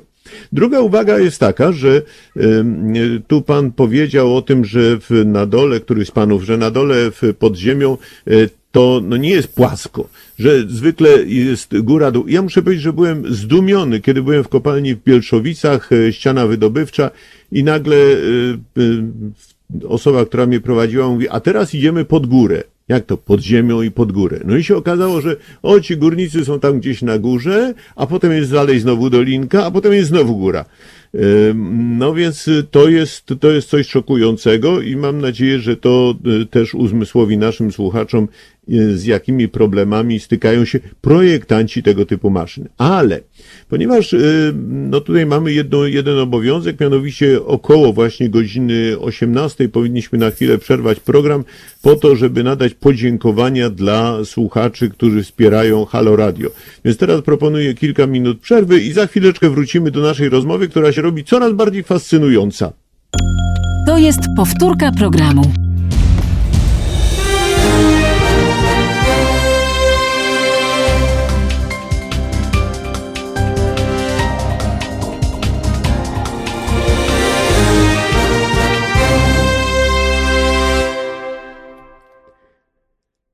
A przed mikrofonem Wiktor Niedzicki wracamy do naszej pasjonującej rozmowy o niezwykłym świecie kopalni węgla. No, nasi słuchacze na pewno znają chociażby kopalnię w Wiliszce, ale proszę pamiętać, że kopalnia węgla to jest coś zupełnie innego. Moimi rozmówcami są dziś pan doktor inżynier Jacek Korski, doradca zarządu FAMUR oraz członek Rady Naukowej Instytutu Techniki Górniczej KOMAK, pan doktor inżynier Edward Pieczora, główny specjalista do spraw rozwoju Instytutu Techniki Górniczej KOMAK i pan doktor inżynier Bartosz Polnik, zastępca dyrektora do spraw rozwoju Instytutu Techniki Górniczej KOMAK. Tu muszę powiedzieć, że nasi słuchacze doceniają znakomitych y, specjalistów. Y, Na, tutaj ktoś z Państwa napisał, genialni goście, wspaniałe przykłady. No, panowie zrobiliście y, znakomite, to nie to, że wrażenie, ale, ale po prostu chyba wszyscy są pod wrażeniem Państwa wiedzy i, i tego, co, co Państwo proponują. Rozmawiamy o osiągnięciach technicznych, naukowych, które e, są wprowadzane właśnie przez Instytut Techniki Górniczej y, KOMAK. E, Ja przypominam, że ja również mieliśmy tutaj już jeden filmik, będą jeszcze następne, które pokazują, jak wygląda kopalnia, no dla tych, którzy tej kopalni nie widzieli, e, no i pokazują przede wszystkim, e, co tam się dzieje, jaka jest e, technika. E, Proszę Państwa, no właśnie mamy już e, kolejny filmik o tym, w jaki sposób powstają, no właśnie są projektowane w Instytucie Techniki Górniczej KOMAK e, obudowy, e, te górnicze, obudowy ścianowe, e, w każdym razie e, te sekcje, o właśnie teraz widać tam siłowniki i inne rzeczy, a proszę Państwa, e, potem za chwileczkę zobaczymy, w jaki sposób one są badane. To, o czym wspomnieli e, moi rozmówcy, którzy powiedzieli, że nawet Amerykanie testują swoje obudowy górnicze w Polsce, bo takiej instalacji nikt nie ma. No prasa, która ma tysiąc ton albo ponad tysiąc ton nacisku, no czyli to robi ogromne mm, wrażenie. No to może w takim razie opowiedzmy o jeszcze innych osiągnięciach Instytutu Techniki Górniczej Komak. No, mnie zafascynowały te, e, te pojazdy, które są napędzane tymi e, ogniwami, no to jest naprawdę coś fantastycznego. Panie dyrektorze, to może jeszcze pan przez e, chwilę opowie, jakie jeszcze ciekawe rzeczy państwo opracowali, co trafia do kopalń. To znaczy tutaj jeszcze uzupełniając ten transport, bo słuchacze powiedzieli tutaj o maszynach, urządzeniach bezprzewodowych, ale te maszyny transportowe pracujące pod ziemią bezprzewodowo, to nie tylko one są bezprzewodowe w sensie strictum, że są zerwane z tej smyczy, ale one też są sterowane bezprzewodowo, co jest też e, pewnego rodzaju nowością też w skali światowej, ale dokładnie, bo samo rozwiązania pilotów radiowych jest znane na świecie. Natomiast y, zwrócił się do nas kiedyś klient, który powiedział, że ma klasyczne urządzenia radiowe, które pracują na dużym zasięgu. I to już jest w górnictwie, czy też w niektórych innych gałęziach przemysłu problemem, ponieważ użytkownik może ze znacznej odległości operować maszyną, która w sposób w tym momencie niekontrolowany, bo jeżeli jest to duża odległość, słaba widoczność może wyrządzić albo krzywdę komuś, albo spowodować kolizję z inną maszyną. Więc myśmy opracowali w naszym instytucie rozwiązanie pilota radiowego, rozwiązanie się nazywa Bluster, które działa w krótkim zakresie, czyli jest to około 10-8 metrów, dopóki użytkownik jest w tej odległości od maszyny, czyli w zasadzie ma pełen ogląd na to, co się dzieje wokół, może bezpiecznie operować daną maszyną. Także to jest e, dodatkowy smaczek, jeżeli chodzi o te systemy transportowe. Co jeszcze warto dodać? aby te wszystkie systemy transportu podwieszonego, poruszające się po szynie podwieszonej, mogły też spełniać swoją rolę, warto jest już utrzymywać tą szynę w należytej kondycji technicznej. Nie wiem, słuchacze pewnie tego nie wiedzą. Pan redaktor był w podziemiach kopalń niejednokrotnie. Ta szyna jest w złym stanie technicznym. Jest zabrudzona, zawilgocona, są na niej różnego rodzaju y, materiały, w sensie to może być pył, może być jakieś kamienie. I wtedy ta przyczepność, docisk tych kół ciernych, które powodują poruszanie się tego systemu transportu, jest zaburzona, traci się tą efektywność tego transportu. Więc tutaj też wychodząc jakby naprzeciw i poprawiając to bezpieczeństwo i efektywność, opracowaliśmy w naszym instytucie rozwiązanie systemu, które czyści takie, taką szynę podwieszoną, a wyprodukował to nasz partner, firma BTH Korolew. Co więcej, mobilne urządzenie czyszczące, bo MUC 1 się to urządzenie nazywa, zostało nagrodzone y, w, w konkursie poprawy warunków pracy, czyli to jest kolejny sukces konstruktorów, naukowców polskich przy współpracy z polskim przemysłem, z polskim przedsiębiorcą. Ale odchodząc od Fantastycznie. systemów transportowych, jakby można było, No bo, bo na początku też y, były problemy techniczne, jak pan doktor Korski Tak. opowiadał o wydobyciu, to warto jest się pochwalić, że Przecież branża górnicza konsekwentnie od wielu, wielu lat podąża w kierunku pełnej automatyzacji kompleksów, precyzyjnej diagnostyki oraz przede wszystkim prostej obsługi.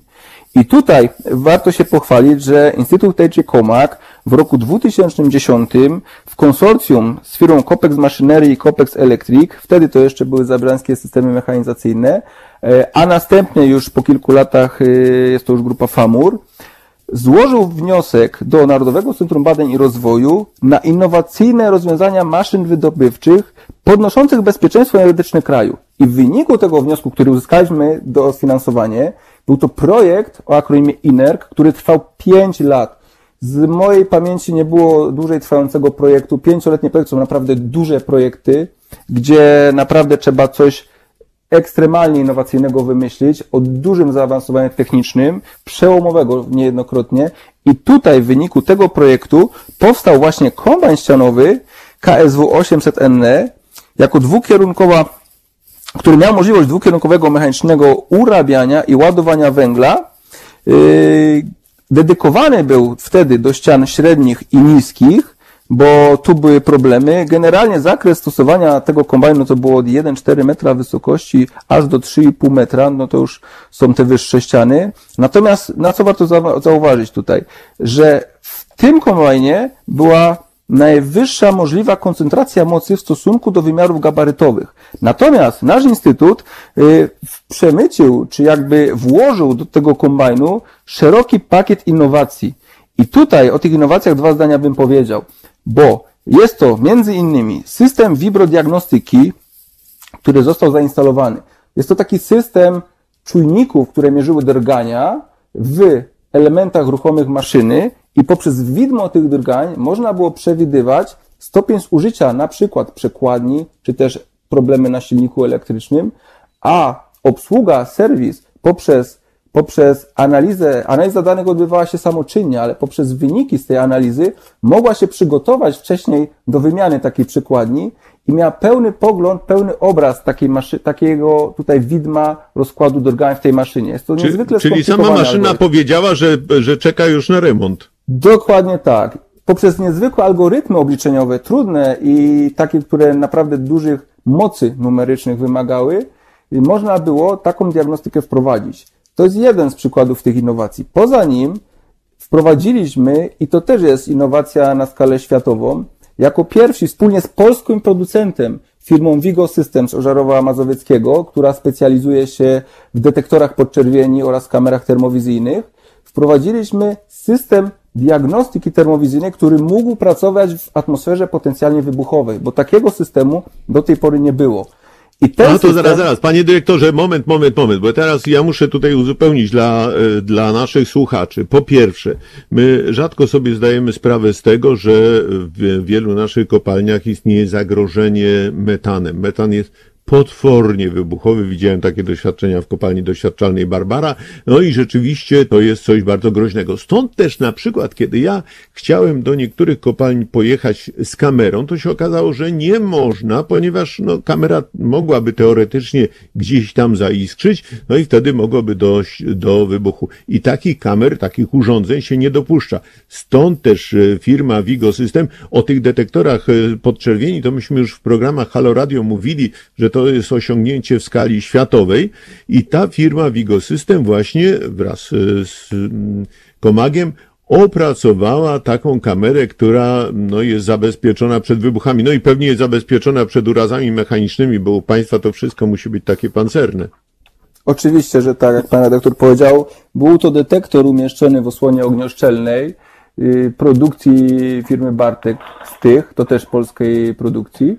Natomiast co tu było problemem? Problemem było to szkło, bo normalnie kamera, kamera telewizyjna patrzy, detektor podczerwieni, przez y, szkło widzi jako, jako lód, jako zimno w tym momencie. I problemem było dać taką obudowę, taki materiał z przodu, gdzie te światło podczerwione, te fale podczerwieni przechodziłyby i można było diagnozować. Udało się to osiągnąć wspólną pracą. Y, co więcej, ten system został dedykowany, aby móc monitorować stopień zużycia noży skrawających organów urabiających. On został wdrożony, został przetestowany w warunkach rzeczywistych, a jego skuteczność była na poziomie 70 kilku procent.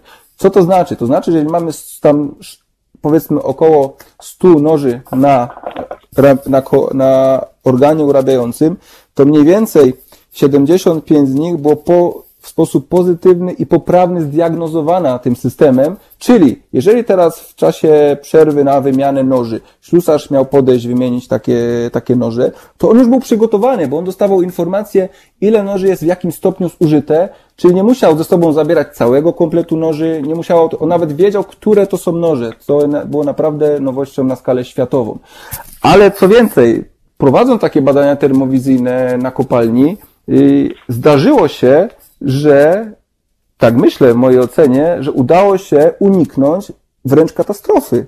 Ponieważ, hmm. kiedy prowadziliśmy badania przy użyciu kamery termowizyjnej, czekając e, na zainstalowanie jej w ścianie, wzdłuż przenośnika ścianowego jeszcze przed ścianą, e, prowadziłem taki monitoring, tak, dla własnej ciekawości, co tutaj widać jeszcze w tym świetle podczerwieni. Po prostu oglądał pan e, okolice. Tak jest, bo to, co nie jest widoczne okiem ludzkim, jest widoczne idealnie w podczerwieni. Także oglądając tą okolicę, yy, zauważyłem bardzo jasny punkt. Myślałem, że jest to na napędzie przenośnika taśmowego, który transportuje węgiel ze ściany w dalszym kierunku. Zbliżyłem się do tego miejsca i jakże się zdziwiłem, że to nie jest w konstrukcji przenośnika, a jest to na spągu. Skierowałem kamerę termowizyjną na ten spąg i jakże mojemu zdziwieniu było to, że widzę 250-270 stopni Celsjusza. Gdzie? Panie dyrektorze, znowu, bo pan tak mówi spąk. Spąk to znaczy ta podłoga. Podłoga w kopalni. Dokładnie no, tak, panie redaktorze. No to wie pan, no to państwo, państwo wszystko wiedzą, a słuchacze niekoniecznie wiedzą, że to jest spąk. No, włączając się później do rozmowy, myślałem, że już moi poprzednicy coś tam na ten temat y, wyjaśnili.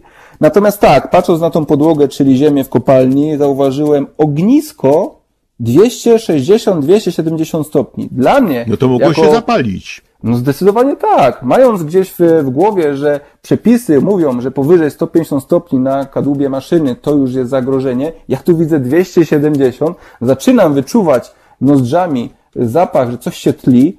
Każdy, zwróciłem się do mojego opiekuna, bo trzeba zaznaczyć, że każdy gość na kopalni ma takiego opiekuna, kogoś, kto zna kopalnię i się porusza, żeby tutaj nie, nie zgubić się nie zabłądzić i tak dalej. Mówię mu, spójrz, tutaj mamy 270 stopni. On zrobił duże oczy, chwila konsternacji, co zrobić, szybko łapać za hydrant, aby to ugasić, zobaczyć, co jest grane. Generalnie pojawia się od razu problem, bo tak jak czasami zdarza się u nas w, w ludzkich ogrodach, mamy mamy wąż ogrodowy, problem z końcówkami, nie można tego podłączyć. Szybko do jakiegoś wiadra zorganizowaliśmy wodę, zalaliśmy to tą wodą, rozgrzebaliśmy to, Generalnie źródła tako, takiego tego ognia nie było, a co się później okazało przy dalszej analizie tego obrazu i tych materiałów, że właśnie ten przenośnik, tam była za chwilę stacja przesypowa, gdzie taśma z bębna przenośnika, to jest gruba taśma zbrojona, taka guma mocno zbrojona, szerokości tam chyba było 800 do 1000 metrów, lekko zsunęła się z bębna. Milimetrów, milimetrów, milimetrów. Y, Milimetrów, tak, tak, milimetrów. Zsunęła się z tego bębna i ocierała o kratę zabezpieczającą, zrywając tą całą gumę i w tym momencie już tym metalem po tej kracie tarła, powodując duże iskrzenie, a te iskry spadały bezpośrednio w ten spąk, na tą podłogę, w ten półwęglowy, w te elementy, jakie tam się znajdowały. Także tutaj Uratował pan przykład, kopalnię.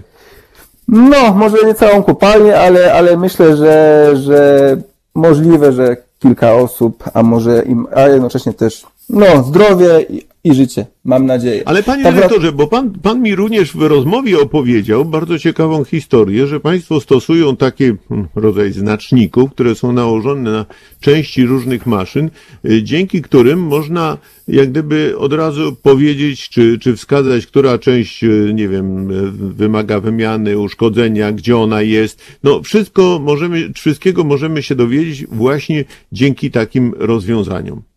Dokładnie tak, tu pan redaktor e, delikatnie mnie uprzedził, bo jest to kolejna z innowacji, które wprowadziliśmy w tej maszynie, w tym kombajnie KSW 800NE.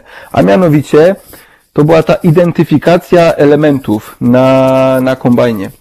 To jest to identyfikacja elementów maszyny za pośrednictwem tak zwanych, tak zwanego systemu RFID, czyli, czyli Radio Frequency Identification. Mamy tam takie tagi, takie transpondery, znaczniki, można to nazwać po prostu znacznikami, które są umieszczone na wybranych elementach konstrukcji maszyny. I teraz co to daje? Przede wszystkim, y, jeżeli trzeba jakiś element wymienić, to dzięki temu, że mamy urządzenie zwykłe Palm Top, taki no, troszeczkę większy telefon komórkowy, tylko dostosowany do warunków górniczych, przyłożymy czytnikiem do tego znacznika, to już mamy pełną informację na temat tego elementu.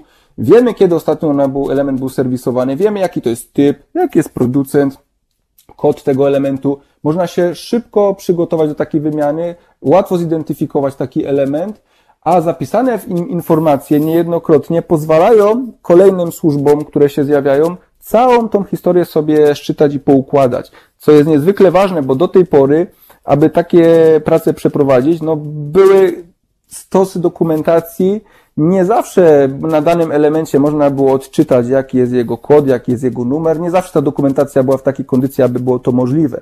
Co się dalej łączy, bo te systemy identyfikacji obiektów maszyn to nie tylko w tym przypadku kombajnów, ale również, jak pan redaktor wspomniał, w sekcji obudów zmechanizowanych. Tam jest bardzo dużo takich znaczników, yy, które zostały wprowadzone przy udziale Instytutu Techniczny Komak wiele, wiele lat temu co mocno usprawniło te procesy tutaj identyfikacji tych elementów, ich ewentualnej wymiany, naprawy, czy też pozyskiwania w przyszłości. Co się jeszcze tutaj wiąże, ten, ten przedostatni aspekt innowacji, który wprowadziliśmy w tym kombajnie ścianowym, to były elektroniczne dokumentacje techniczno-ruchowe, tak zwane DTR-ki. No właśnie, przepraszam bardzo, to teraz już muszę panu przerwać. Panie dyrektorze, przepraszam, bo przed chwilą nasi słuchacze widzieli kawałek filmu, który ja zresztą dzięki y, Komagowi kiedyś zrealizowałem w Bielszowicach, gdzie widać było tę dokumentację techniczną na czymś w rodzaju takiego hmm, jakby telefonu komórkowego czy palmtopa, tylko tyle, że w obudowie takiej pancernej. Y, i widać było, y, że mm, inżynier może sprawdzić jaka część, no cała instrukcja obsługi, która liczy pewnie setki, a może i tysiące stron, była w tym małym urządzeniu, można dzięki temu szybciej coś tam zrobić czy naprawić. Dokładnie tak. Praktycznie cała dokumentacja maszyny była zawarta w formie elektronicznej i ona była w dwóch miejscach, bo po pierwsze kombajn ten miał swój wyświetlacz w skrzyni aparaturowej, po drugie był ten y, Palm Top, ten mały telefon, który w, w osłonie ognioszczelnej czy w osłonie górniczej, on był w wykonaniu iskobezpiecznym, tak generalnie, czyli nie był ciężki, można było z niego skorzystać, bo należy tutaj zaznaczyć, że mamy różne możliwości ochrony przed wybuchem. Są osłony ognioszczelne, te ciężkie, pancerne, metalowe konstrukcje, ale jeżeli skonstruujemy urządzenie, gdzie jego obwody nie wygenerują energii, która jest w stanie spowodować zapłon iskry, zapłon mieszaniny wybuchowej, czyli iskrę, która spowoduje zapłon mieszaniny wybuchowej, to takie urządzenia nazywa się iskrobezpiecznym. I właśnie takie urządzenia, komputerki małe typu palmtopy są stosowane, aby były lekkie i przenośne. I tam znajdują się te elektroniczne instrukcje obsługi. Co to dało w tym przypadku? To, co już pan redaktor wspomniał. Zamiast setek tysięcy dokumentacji mamy takie urządzenie, przychodzi po pierwsze serwis, ma na przykład wymienić przekładnię. A I on teraz tak. Mm, Ta dokumentacja tutaj albo jest kompletna, albo jej nie ma. Ona jest też często, to są suche fakty przedstawione. A w tym przypadku, poza opisem, treścią, która pokazywała, jak kolejno zmienić taką przekładnię, czyli którą pokrywę odkręcić, którą śrubkę, łącznie z tym, w którym miejscu te śrubki poukładać.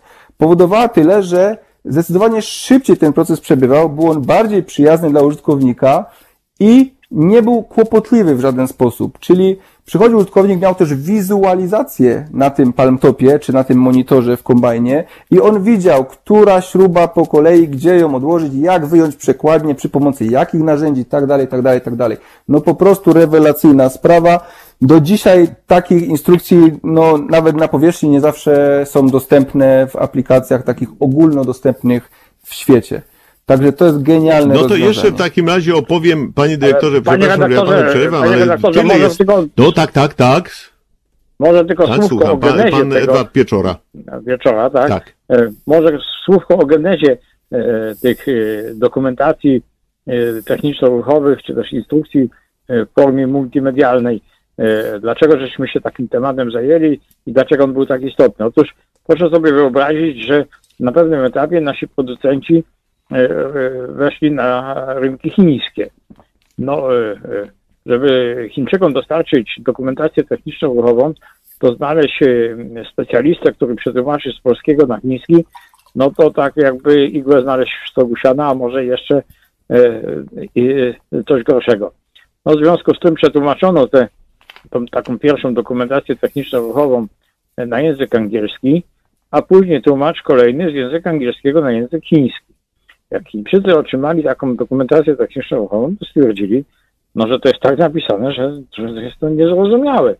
No i wtedy wpadliśmy na taki pomysł właśnie, żeby te dokumentacje techniczno-ruchowe wykonywać w wersji mu- multimedialnej, no bo one są Czyli bardzo tak powiem, komunika- komunikatywne i taka Pismo, była pismo obrazkowe, to no tak, to tak jasne. ad vocem właśnie, dlaczego tak e, się stało, czasem życie pewne sytuacje wymusza.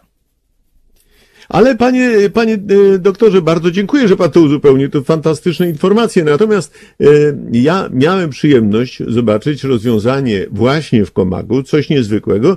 Jak tylko e, zakończy się tutaj ta, mm, ten film, który za chwileczkę mm, się kończy, to mam nadzieję, że realizator pokaże również wirtualną rzeczywistość. Mianowicie, no wiadomo, że w kopalni jest ciężka praca, że jest ciężko sobie mm, poradzić. No w związku z tym ludzie, zwłaszcza którzy po raz pierwszy trafiają do kopalni, no mogą właśnie wirtualna rzeczywistość, y, wobec czego można, no można się nauczyć wcześniej jeszcze, jak wygląda naprawdę w kopalni. Czyli możemy wirtualnie odtworzyć y, taki taki chodnik, można wirtualnie sprawdzić, jakie są, jakie są tam narzędzia, jak należy się nimi posługiwać. Jak któryś z panów powiedział, to są takie, można dostać kolejne życie y, i, y, i dzięki temu można, można dograć to jak grę komputerową i dzięki temu opanować y, całą sprawę. Tu mamy na filmie, w jaki sposób no, zjeżdżamy jak gdyby tą klatką w dół, jesteśmy już w chodniku kopalni,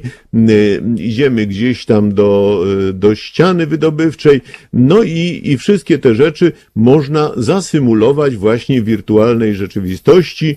Za chwileczkę będziemy to widzieli, w jaki sposób y, pracownik, no akurat w tym przypadku naukowiec, za chwileczkę będzie widać, jak on, y, jak on właśnie będzie się mm, zachowywał. Aha, troszeczkę to jeszcze z tym filmem się pospieszyłem, omawiając go, no ale w każdym razie, mają Państwo coś takiego, co pozwala poprawić bezpieczeństwo dzięki zastosowaniu wirtualnej rzeczywistości.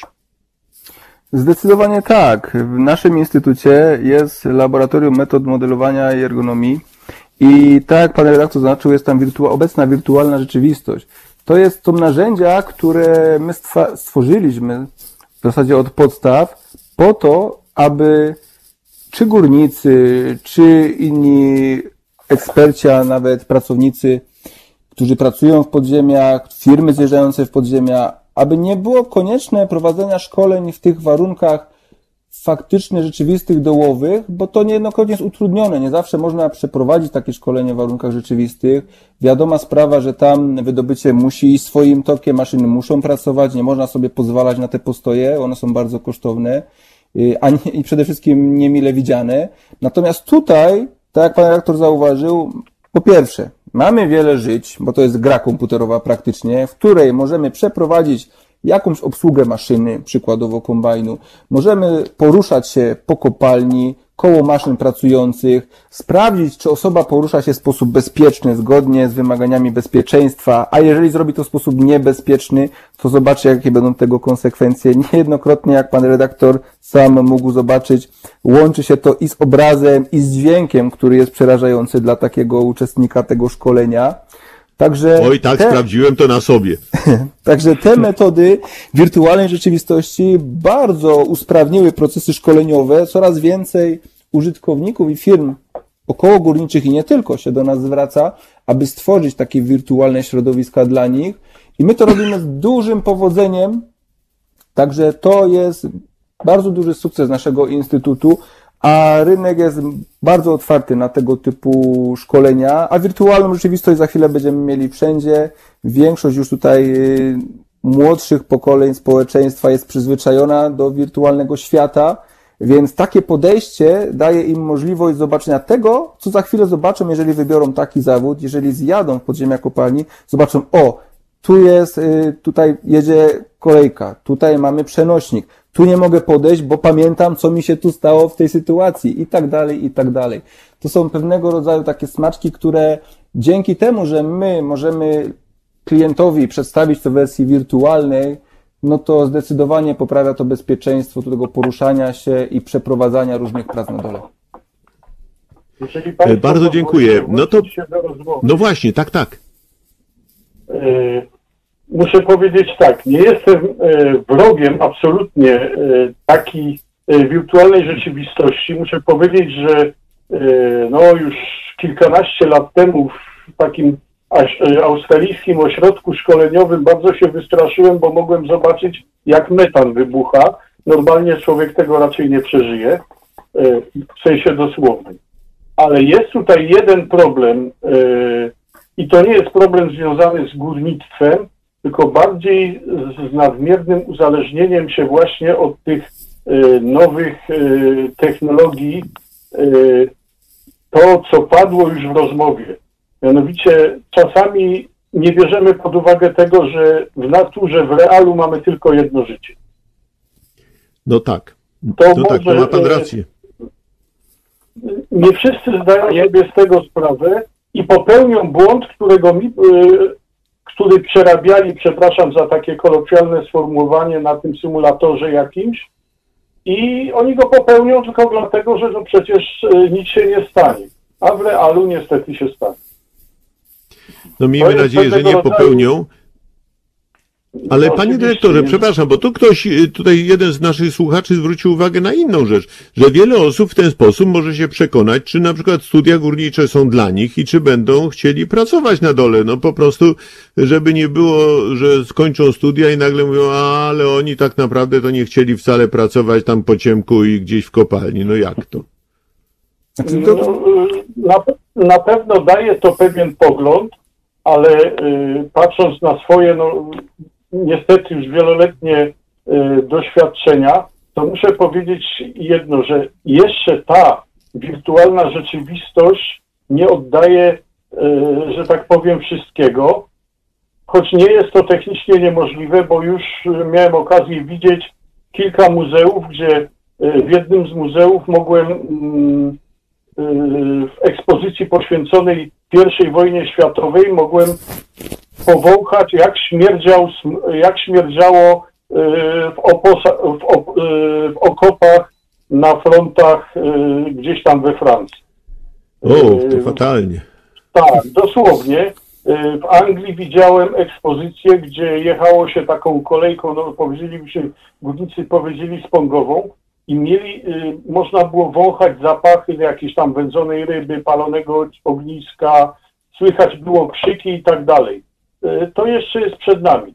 Na pewno to jest dobra droga, ale y, ja chcę zwrócić uwagę, że tak jak y, w pilotowaniu statków, no przede wszystkim samolotów, niestety same symulatory nie wystarczą.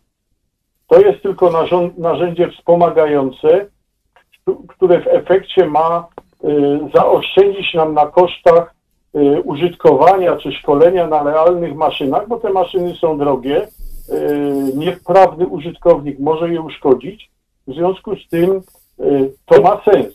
To nie jest tak, że jestem krytykiem, y, a powiem tutaj taką no, anegdotę, ale z życia wziętą z jednej z kopalni rosyjskich. W czasie wizyty na ścianie zobaczyłem, że kombajniści, czyli ludzie, którzy obsługują, było to kilka lat temu, obsługują kombajn, no i ci ludzie wyglądali mi na ciut starszych albo moich rówieśników, a ja już mam ponad 60 lat. No i zadałem pytanie, ile mają. Okazało się, jeden miał 61, drugi miał 60, e, 58. Zadałem dyrektorowi kopalni, no u nas 50 lat i na emeryturę generalnie. Zadałem dyrektorowi e, jedno pytanie. I to jest uzasadnienie tak naprawdę do stosowania, wykorzystywania wirtualnej rzeczywistości właśnie w szkoleniu, w treningu załóg.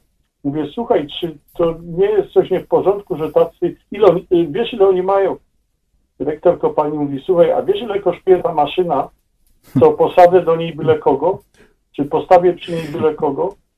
No No i tak. to jest chyba odpowiedź, y, jak gdyby y, krótkie uzasadnienie do tego, że nie uciekniemy od wirtualnej rzeczywistości.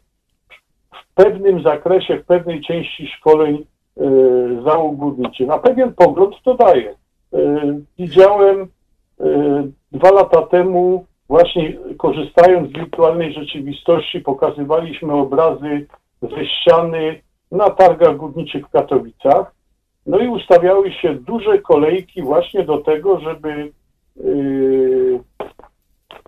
zobaczyć, jak to jest różnych ludzi. Górnicy mówili, ci, którzy pracowali w górnictwie, mówili, o kurczę, nie spodziewałem się, że to może być aż tak realne, a ci, którzy nie widzieli, byli pod e, dużym wrażeniem. Na tych samych targach, firma, w której pracuję, FAMUR, pokazywała kombajn chodnikowy, kolejną ciężką kilkudziesięciotonową maszynę górniczą, którą można było sterować z ekspozycji targowej, a ona była no, wiele kilometrów dalej, to te możliwości stwarza dzisiejsza technika. I trzeba z tego korzystać. Jasne. kosztuje- Panie dyrektorze, tak. Panie dyrektorze, ale tutaj, jedy... no tak, tak, tak, zaraz, sekundę, tylko po, pozwoli pan, ja tutaj przeczytam ciekawostkę. Yy, Ktoś pisze, ale wiedza nabyta na studiach górniczych nie przydaje się tylko do pracy pod ziemią, czyli ona jest znacznie mm, szersza i wobec tego można pracować gdzie indziej. I tu za chwileczkę, oczywiście zaraz y, pan dokończy swoje zdanie.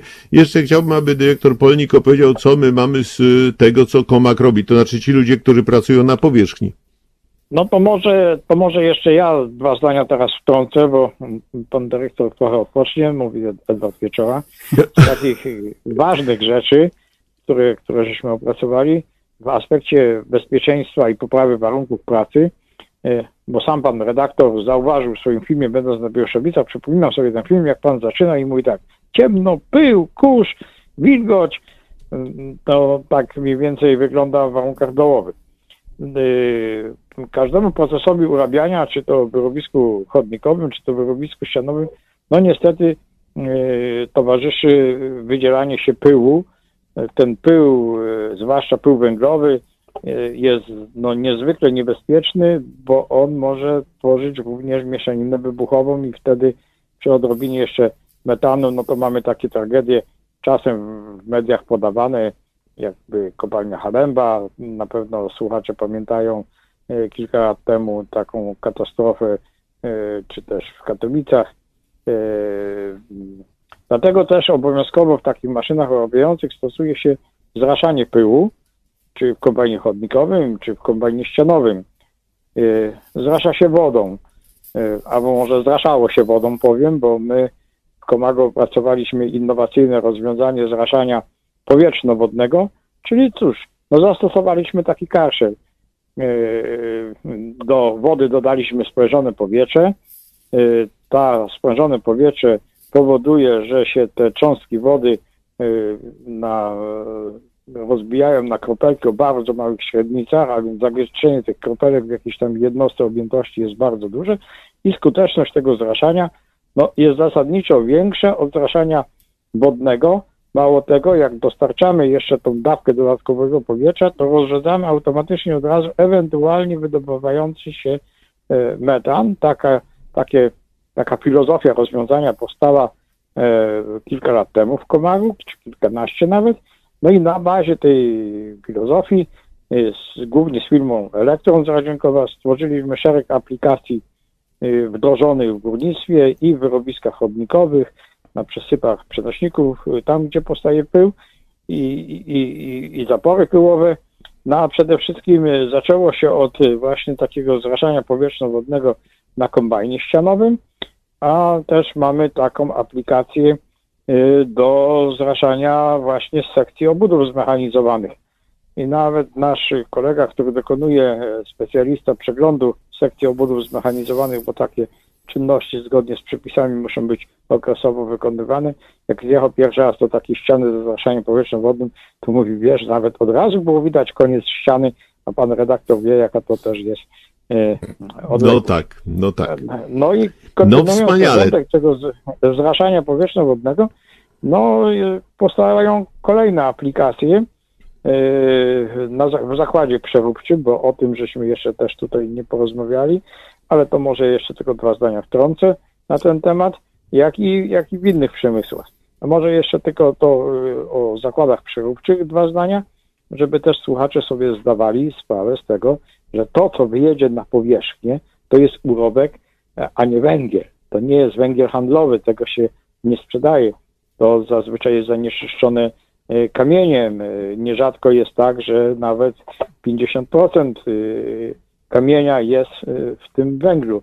Stąd w górniczym krajobrazie można spotkać. No a jak się to rozdziela? A no właśnie.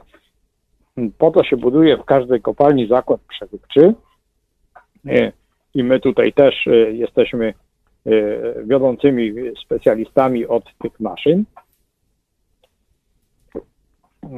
W górnictwie światowym zazwyczaj wykorzystuje się tak zwaną ciecz ciężką, natomiast myśmy w Komaru stworzyli polską szkołę osadzarek pulsacyjnych, czyli jest to taka wanna, można powiedzieć, z wodą, gdzie e, przechodzi przez tą wannę ten wydobyty urobek.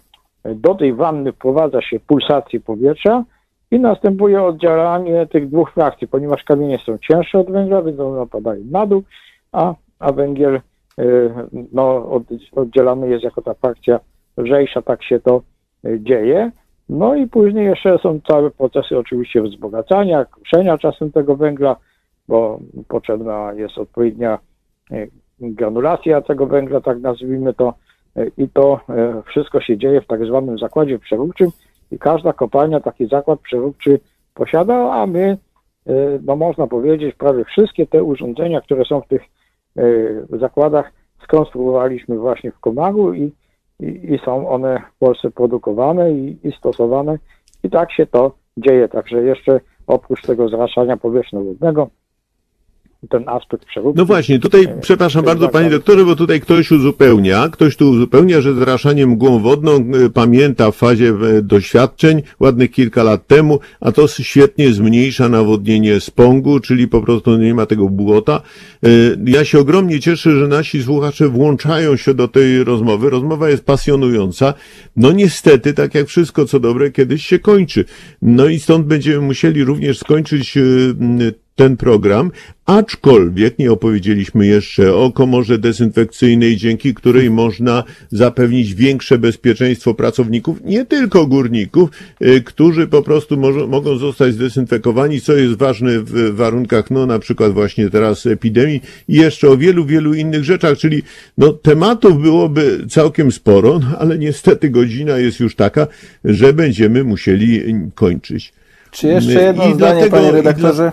No właśnie, proszę, proszę, proszę. Bo ja tutaj chciałem tak już y, jakby spinając to, co powiedział pan doktor Pieczora o tym zwalczaniu zapylenia, to No tak, już wspomniał, niestety, mimo wszelkich starań zarówno górników, jak i nas, naukowców, y, przy projektowaniu bezpiecznych urządzeń dochodzi do tych katastrof.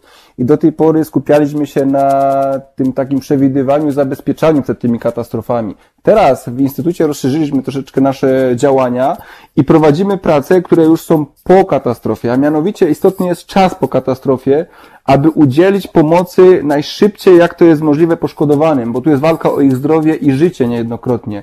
I od y, początku tego roku prowadzimy prace projektowe wspólnie z Centralną Stacją Ratownictwa Górniczego i Jastrzębską Spółką Węglową Innowacje nad mobilnym punktem medycznym, który ma w sytuacji wystąpienia katastrofy, zdarzenia takiego górniczego, y, zostać zlokalizowany możliwie jak najbliżej tego miejsca, tak, aby pomoc została właśnie w tym miejscu podana tym y, poszkodowanym, bo dotychczas oni muszą zostać przetransportowani jednokrotnie aż w miejsca potrzeby, aż na powierzchnię. A tutaj nowe, nowe urządzenie, które wspólnie projektujemy, ma za zadanie być tak troszeczkę mówiąc, tak obrazowo, taką karetką pogotowia, która zapewni już bardzo blisko y, tego miejsca katastrofy pomoc tym poszkodowanym, dzięki czemu skróci się ten czas do tego odzyskania tej pomocy, co na pewno przyczyni się do tego, że uda się niejedno życie ocalić y, przez to tylko, które zostało stracone z uwagi na to,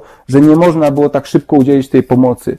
Także to są też takie kierunki, w które idziemy, a doświadczenia, które mamy z górnictwa, to nie tylko górnictwo, bo my je wykorzystujemy poza górnictwem. Tak jak już Pan wspomniał, jest ta instalacja dezynfekująca w obecnej, w obecnej dobie pandemii koronawirusa, która została opracowana w oparciu o doświadczenia z systemem systemami zraszania powietrzno-wodnego i ona została wdrożona także na powierzchniach kopalń, ale też w innych gałęziach przemysłu, a i nie tylko. No właśnie te... w jakich, w jakich, w jakich, w jakich No między innymi przemysłu? zwracały się do nas y, firmy z, z KGHM-u o takie rozwiązania, jak to wygląda, jak ono jest zbudowane, jak działa.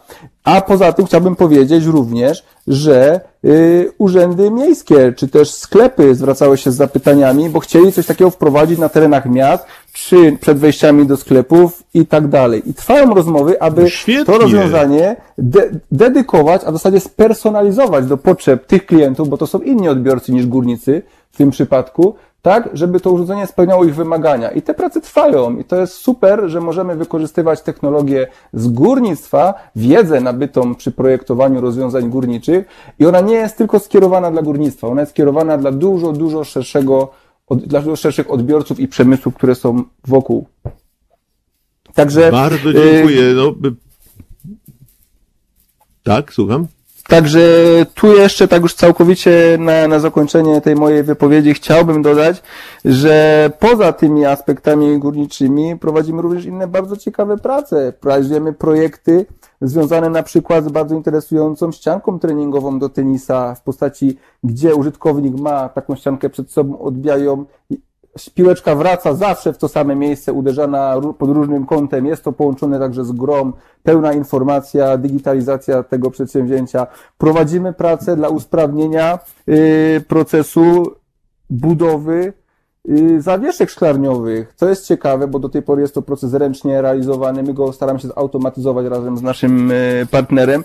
Co no i zabawki, zabawki, panie no dyrektorze. I zabawki oczywiście, że tak. Mamy w Instytucie Technicznym Komag laboratorium Y, materiałowe, gdzie badamy zgodnie z dyrektywą. Jest to laboratorium akredytowane, czyli badamy zgodnie z dyrektywami, z normami zharmonizowanymi, czy akurat zabawki w tym przypadku spełniają te wszystkie wymagania i czy rodzice mogą być spokojni o to, że ich pociechy bawią się zabawkami, które są bezpieczne, które nie zagrażają ich zdrowiu poprzez, nie wiem, ugryzienie czy uszkodzenie w jakikolwiek sposób. To jest laboratorium zlokalizowane w naszym instytucie, w Instytucie Techniki Górniczej. Jak sobie można wyobrazić, że mamy tutaj maszyny górnicze, laboratoria o nacisku 1600 ton, a tu obok mamy, badamy zabawki dla takich małych pociech, y, niejednokrotnie naszych pracowników czy współpracowników, każdy, każdy ma dzieci i zabawki są... Bardzo, bardzo się cieszę, panie dyrektorze, ale tak jak powiedziałem, niestety nie jesteśmy w stanie wyczerpać ani tematu, ani nawet opowiedzieć Oczywiście. y, o, o wielu, wielu innych rzeczach. Teraz już niestety musimy kończyć i bardzo dziękuję panu doktorowi inżynierowi Jaskowi Korskiemu, doradcy zarządu FAMUR oraz członkowi Rady Naukowej Instytutu Techniki Górniczej KOMAK. Panu doktorowi inżynierowi Edwardowi Pieczorze, głównemu specjaliście do spraw rozwoju Instytutu Techniki Górniczej KOMAK i doktorowi inżynierowi Bartoszowi y, Polnikowi, zastępcy dyrektora do spraw rozwoju Instytutu Techniki Górniczej KOMAK. Panowie, fantastyczne rzeczy. Ja sądzę, że nasi słuchacze też chętnie spotkają się z Państwem jeszcze nie raz. Dziękuję bardzo za ja- udział w ja dzisiejszym w programie. imieniu- Dziękuję serdecznie słuchaczom. Dobrze, panie, Tak? panie redaktorze, a ja chciałem w imieniu nas tutaj wypowiadających się podziękować za zaproszenie do tego programu. Mogliśmy, żebyśmy mogli słuchaczom opowiedzieć o, trochę o tym górnictwie. A na zakończenie, bo to już ostatnie, przygotowałem dla pana redaktora zagadkę. Czy możemy jeszcze 60 sekund? Chyba mnie zabiją Halo? za to. Tak? Halo, chyba mnie E, zabiją za to. Tak? Mieszka w Chorzowie, to jest taki wiersz Dychotomski, może przypomnieć słuchaczom. Mieszka w Chorzowie taka Urszula, co wciąż się bawi w zgaduj zgadula. A Urszulo, powiedz, czym jest twój tato? Zgaduj zgadula, Urszula dato. Zgaduj zgadula, a zgadnąć łatwo. Gdyby nie tato, zgasłby światło. Pewnie palaczem jest w elektrowni, bo tam palacze są nieodzowni. Lecz na to kręci głową Urszula, nie jest palaczem, zgaduj zgadula. Gdyby nie tato, zgaduj od nowa, to byś nie mogła nic ugotować. Pewnie jest dumem z kapli i gliny, buduje kuchnie, piece, kominy. Znowu nie zgadłaś woła Urszula, więc po raz trzeci zgaduj zgadula. Gdyby nie praca mojego taty, to by w cieplarni pomarzły kwiaty, żaden by okręt nie ruszył z portu, cukiernik nie mógł upiec by tortu, pusto by było w fabrycznej hali, trudno by było w piecu napalić, gaz by do domu nie biegł po rurach. O, to twój tatuś ważna figura, z tego coś rzekła jasno wynika, że masz Urszulo tatę górnika. Górnika. Dziękujemy. Brawo! Piękne, no dziękuję bardzo. No fantastyczne zakończenie tego spotkania i oczywiście zapraszam panów na kolejne programy w Halo Radio. Dziękuję bardzo.